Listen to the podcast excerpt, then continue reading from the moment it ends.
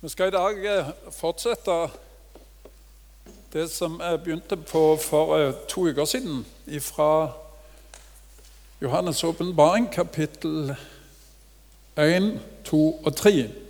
Så i dag har vi kommet til kapittel 2. Men vi skal få opp et kart på, på skjermen for å ha litt repetisjon. Det er altså Johannes han som var den yngste i Jesu disippelflokk, som er nå fange på denne øya ute i Egeerhavet som heter Patmos.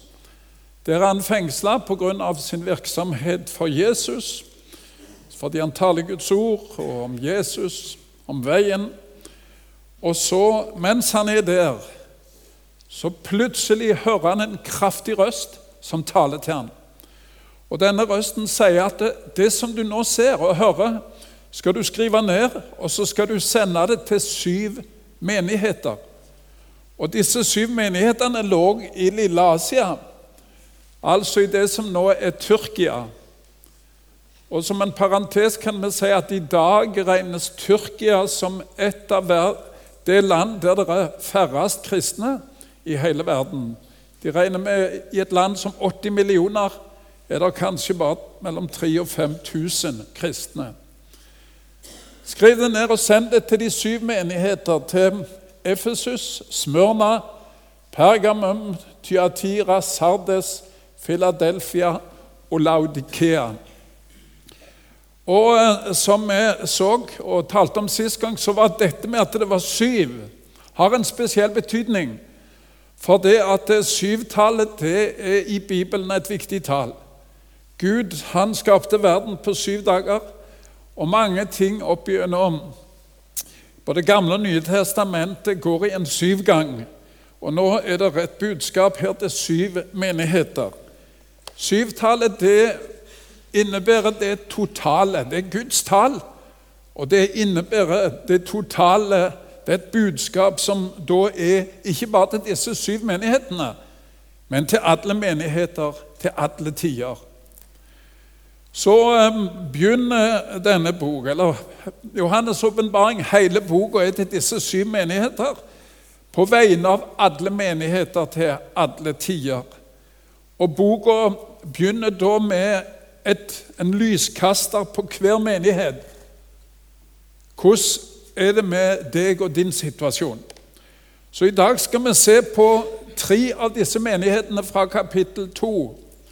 I kapittel 2 er det fire menigheter, men det blir litt for langt å ta alle de. Men vi skal se på tre av disse. Den første er menigheten i Efesus. Der var Paulus som teltmager, vet vi. Han var der i over to år. Eh, Jobba som teltmager og var med og grunnla menigheten og bygde opp denne menigheten i Efesus. Efesus var en stor by. Det var senter for handel og turisme. Det var velstand, og det var et tempel for fruktbarhetsgudinnen Diana, eller Artemis.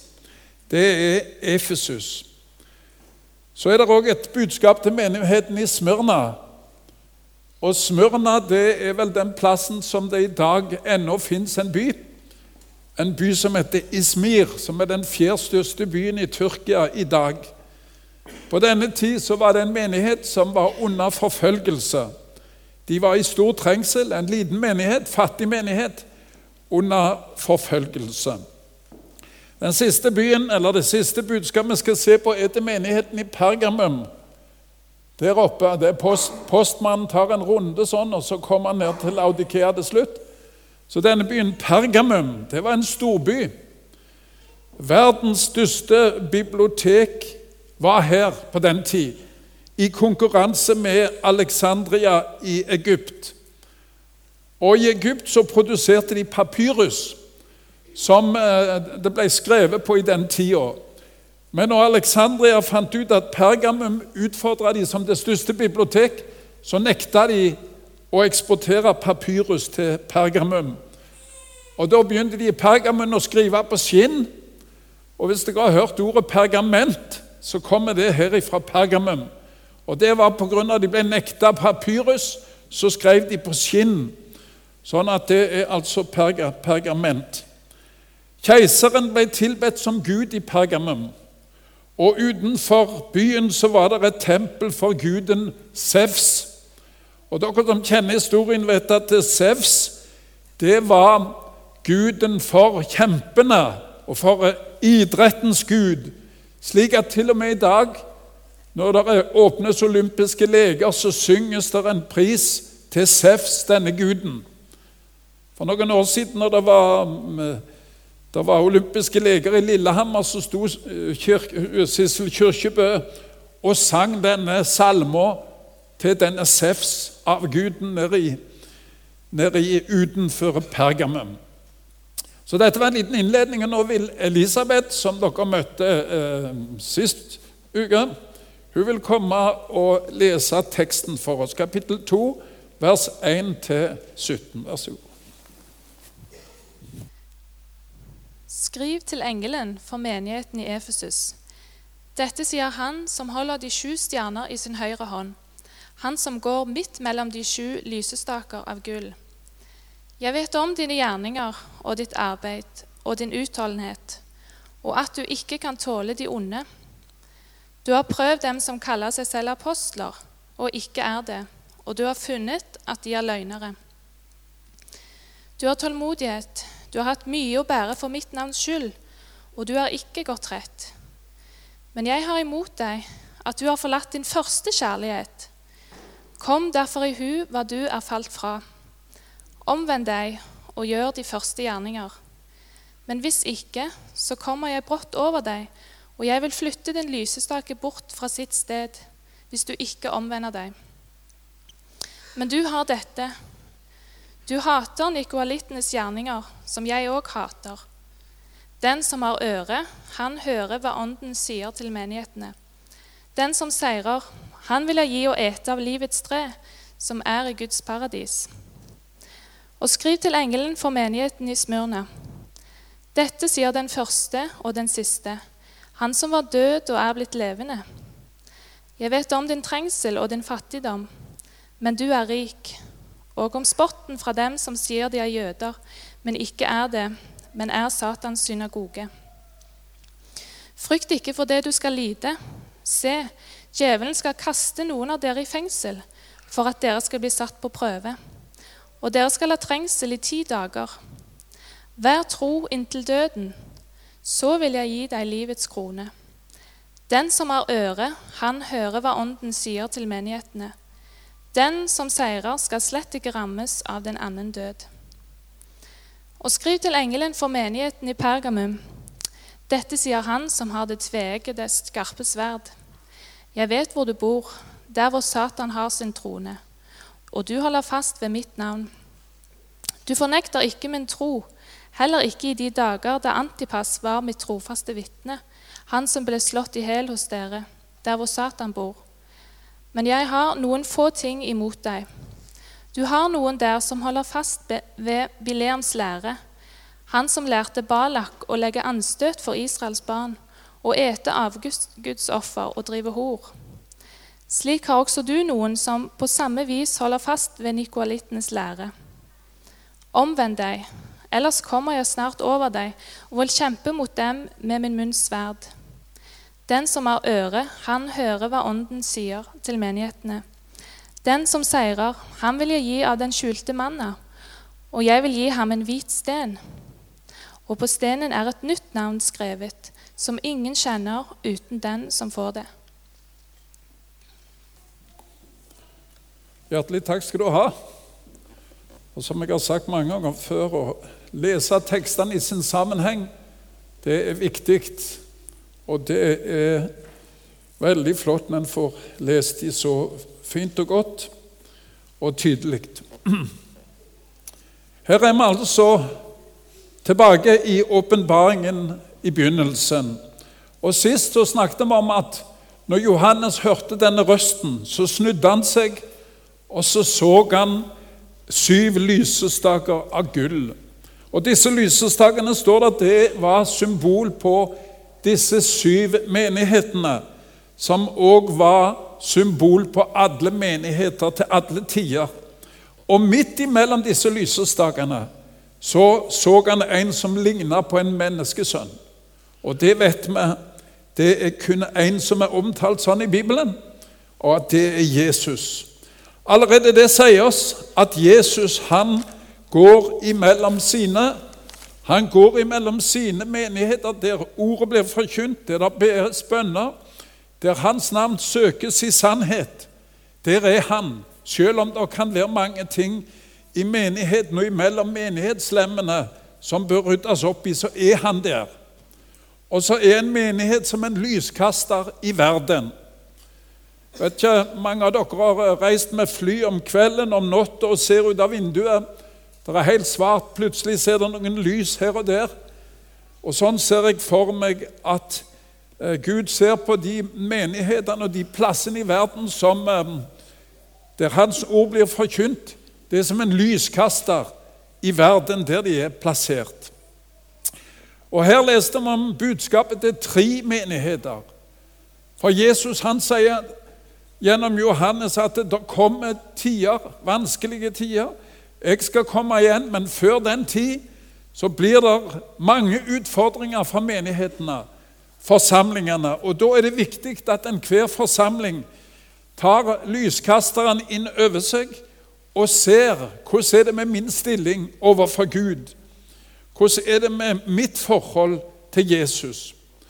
Og Enhver av disse budskapene begynner med, eller går etter et mønster. Et mønster som vi òg kan tenke på at Jesus vil bruke overfor oss og vår forsamling. Først er det en oppfordring fra Jesus til Johannes til å skrive en personlig hilsen til han, til, til, fra han. Det vil si at Jesus han er personlig interessert i alt det som foregår iblant sitt folk. Og Så er det en presentasjon av avsender, Jesus sjøl, bygd på, der, på den måten han blir presentert i kapittel 1. F.eks. han som har det tveeggede, skarpe sverd, og som holder disse lysekasterne i sin hånd, osv. Og, og så begynner også hver ord, hver budskap med 'Jeg vet', 'Jeg vet'. Jeg vet akkurat hvordan du har det. Jeg vet alt det som skjer i din forsamling. Jeg vet absolutt alt. Ikke prøv å skjule noen ting, for jeg vet, jeg vet hvor du bor, sto det her til Pergamum. Og jeg vet om din trengsel, sto det her til, til Smørna. Jeg vet alt om deg. Og så er det en formaning til å ta tak i det som bør tas tak i, det som er sjukt. Eller et løfte til de som har det vanskelig. Og så er det til alle sammen et løfte om oppreisning. Å se framover og se til målet som ligger der framme og venter. Så her er vi først i Efesus.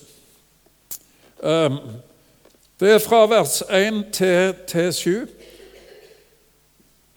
En menighet som var i en storby. Her var velstand, og det var en meget vellykka menighet. Paulus hadde vært lenge i denne menigheten, og 30 år tidligere så skriver Paulus et brev til menigheten i Efesus og Da skriver han sånn Hils til alle i Efesus som elsker Jesus. Nå har det altså gått 30 år. Det er kanskje en ny generasjon. Og nå er det den store lege som eh, kaller inn eh, menigheten for gjennomlysing. Og så kommer han med sin rapport, evalueringsrapport, altså sannheten om denne menigheten. Og du verden for en flott menighet. Jeg vet om dine gjerninger, vet om det, om din utholdenhet. Du kan ikke tåle det vonde. Du har prøvd de som kaller seg apostler, og ikke er det. Du har altså avslørt falske apostler.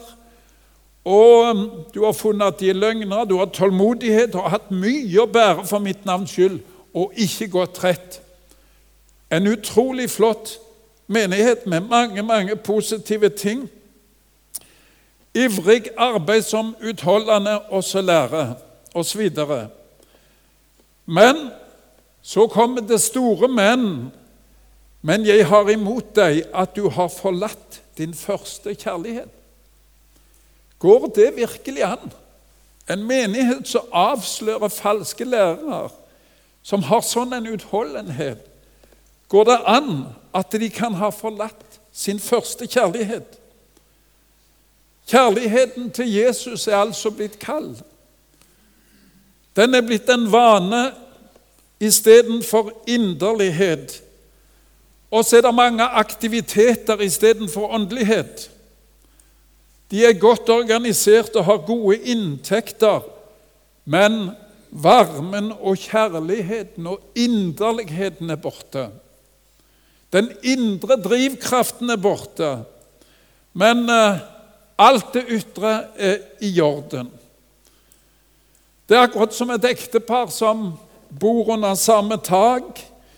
De møter hverandre og sier hei, men gnisten er vekke. Det som virkelig bandt de sammen, og det forhold de hadde i forlovelsestida, når de var nygift, at de måtte bare høre hvordan den andre hadde det. De måtte søke fellesskap og få lov å være sammen.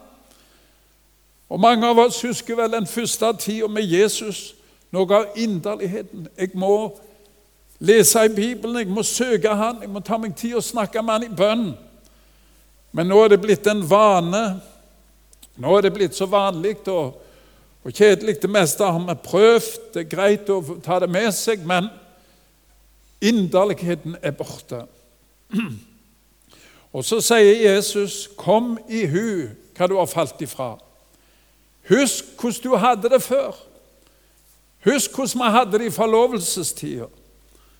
Vi må finne tilbake. Det står ikke på meg, det er du som har glidd bort. For min kjærlighet den er like brennende. Og hvis det fortsetter sånn, sier Jesus til Efesus, så vil lysestaken bli flytta.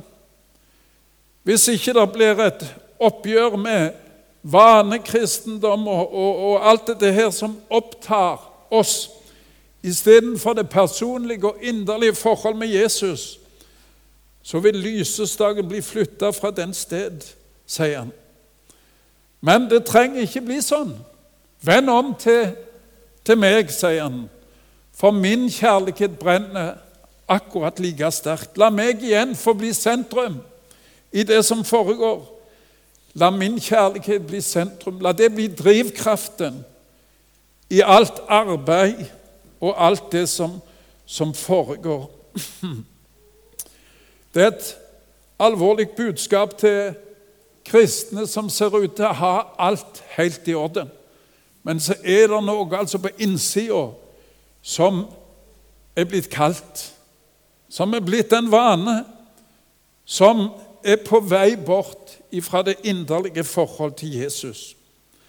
Men, sier han, du skal ha virkelig eh, plusspoeng fordi du hater nikolaittenes lære. Og hva var nikolaittenes lære? Det kan en si mange ting om, sikkert, men det, i korthet så kan en si at det, eh, de ville ikke ta det så nøye med det verslige liv. Og eh, noen av de tenkte som det, det Hva jeg gjør med kroppen, det er ikke farlig. Men det er liksom øh, det er troen som er det viktige, osv. Altså, troen får ingen konsekvenser for min måte å leve på. Så de tillot verslighet og umoral til å komme inn i forsamlingen. Og Efesus hata denne, denne holdningen. Og så minner han de om den som har øre, han hører hva Ånden sier til menighetene. Her er det Guds ånd som bruker Guds ord som et sverd. Og den som er lydhør, den som søker sannheten, han vil forstå hva jeg mener, sier Jesus. Og så kommer det temaet som kommer igjen i alle brev. Den som seirer. Husk på det. At det er noe der framme, det er noe å jage imot. Det er en seier som ligger der framme, som en ikke må glemme ut. La det bli drivkraften og målet som ligger der framme. Mange ting å si om denne menigheten i Efesus, men vi skal gå videre til neste menighet, som heter Smyrna. Menigheten i Smyrna, en liten menighet, fattig menighet. Men de hadde det som Efesus mangla. Og her sier Jesus til denne menigheten Jeg vet om din trengsel og din fattigdom. Jeg vet om dine lidelser.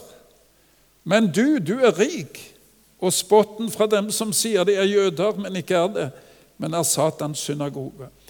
Her er det altså en menighet i Smyrna under forfølgelse. Mange tror at kanskje Johannes, det var her Johannes var når han ble arrestert og sendt til Patmos. Men du er rik, og Her presenterer Jesus seg som alfa og omega. Dette sier den første og den siste, han som var død og er blitt levende.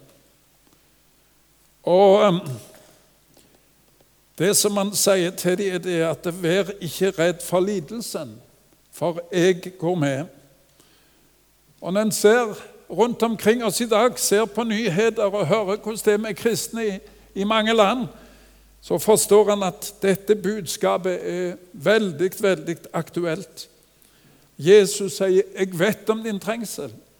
Jeg vet om dine lidelser.' Og her er ingen lettvint løsning. Her er ingen sånn herlighetsteologi der Jesus sier hvis du bare har tro nok, så finner du løsning på det meste. Da skal du bli rik og frisk og lykkelig og dine ønsker oppfylt. Dere som hører litt av på YouTube og andre nettsteder, hører hva som blir forkynt i dag, så er det ganske grotesk mye av det som serveres.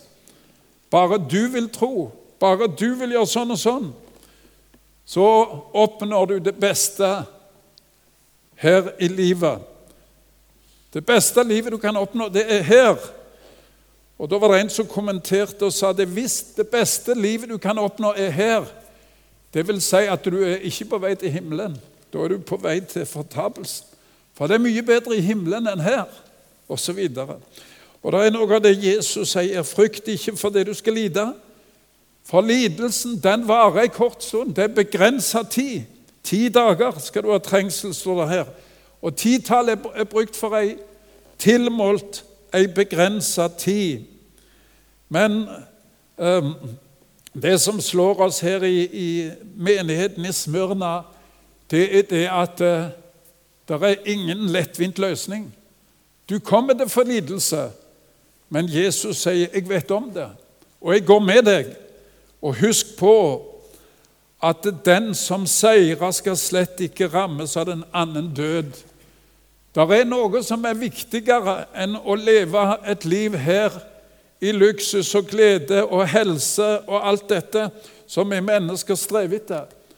Og det er å ha sin sak i orden med Gud. For det kommer noe som heter den annen død. Og den som seirer, den som holder ut, skal ikke rammes av den annen død. Han skal bli frelst og få det evige livet. Skriv til menigheten i Pergamum. Igjen er det Jesus som hilser. Det er Jesus som taler. Dette sier han som har det tveeggede, skarpe sverd. Og i kapittel 1 det tveeggede, skarpe sverd det kom ut av Jesu munn. Og det er et symbol på Guds ord. På Guds ord, som skjærer og trenger igjennom til det kløyver sjel og ånd og leder mot marg. Det som avslører alt. Dette sier han som har det tveeggede, skarpe sverd. 'Jeg vet hvor du bor. Jeg vet hvor du bor.' Og tenk deg, du som sitter her. Jesus sier til deg, 'Jeg vet akkurat hvor du bor.' 'Jeg vet akkurat hvordan du har det.' 'Jeg vet om de ting som du kjenner på, og som du strever med.' Som uh, ingen andre vet om, og som du prøver å skjule for andre. Jeg vet om alt til sammen. Og så sier han der hvor Satan har sin trone. Og Jeg nevnte det når jeg viste kartet her, om at i Pergamum var det et tempel for keiserdyrkelse. Og rett utføre var det et tempel for olympiaguden, Sevs. Og Jesus sier 'der hvor Satan har sin trone'. Dette er avguder. Dette er Satans trone. All tilbedelse som ikke er tilbedelse av den sanne Gud, er Satans villedelse og Satans tilbedelse. Der hvor Satan bor.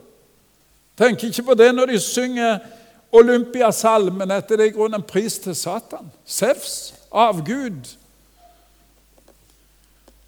Og du fornekter ikke min tro i de dager da Antipas, mitt trofaste vitne, ble slått i hjel. Og denne Antipas han var leder i menigheten i Pergamum.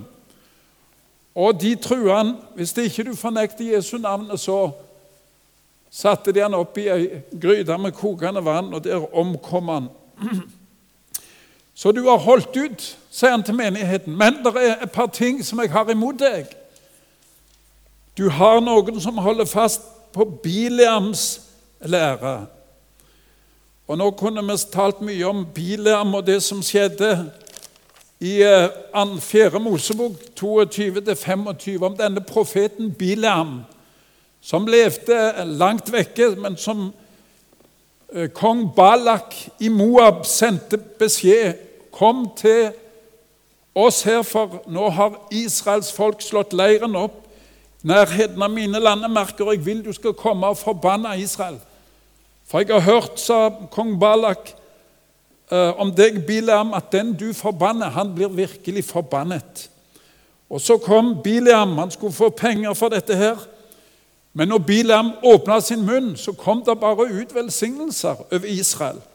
Så han måtte gå fra den ene fjelltoppen til den andre og prøve å forbanne Israel. Men når han åpna munnen sin, så kom det velsignelser, til og med en fantastisk profeti om Jesus. Om denne stjerna som skulle komme fra øst. Men det så Det kan vi ikke gå inn på. Så kong Balak han ble sint på Bilam. Du har fått penger, og du har ikke klart å gjøre det som jeg ba deg om, og forbanna Israel.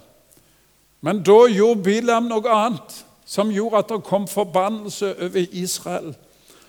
Han lot kong Balak innby folket til avgudsdyrkelse. Han sendte moabittiske kvinner som tilbød sine tjenester til israelittene. Og Der falt de i synd.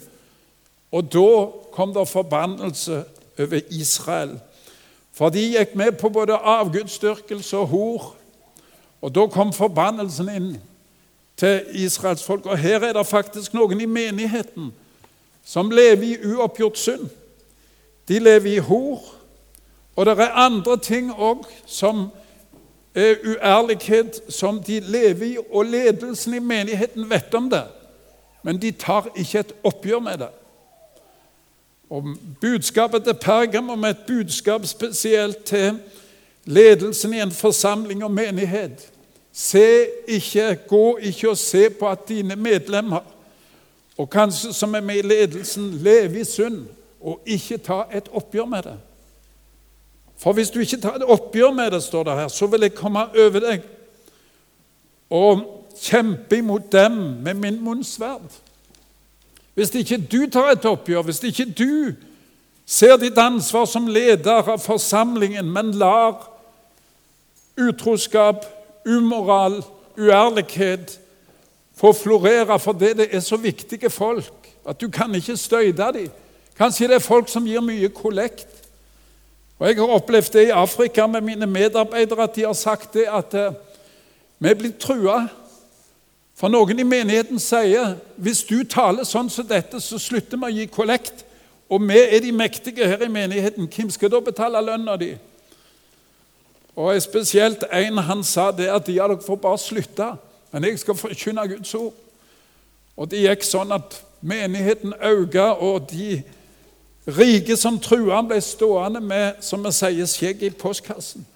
For det kom inn penger likevel som kunne betale lønna hans. Så her er et budskap til menighetens ledere. Ta oppgjør med synd. Ta oppgjør med falskhet i menigheten og i forsamlingen. For ellers så mister forsamlingen velsignelsen. Så kan min lysestage bli flytta bort. Så kan jeg ikke få gjøre min gjerning i forsamlingen. Den som har øre, han hører hva Ånden sier til menighetene. Altså den som er villig til å lytte til Guds tale, han forstår dette. Han forstår at nå er det Gud som taler. Og nå må jeg ta et oppgjør kanskje med ting i mitt liv. Og så til menigheten i Pergamum står det et fantastisk bilde her på slutten. Den som seirer, ham vil jeg gi av den skjulte manna. Den som seirer. Den som altså holder ut Hva er manna et bilde på? Jo, Jesus sa det. 'Jeg er livets brød'. Jeg er livets brød.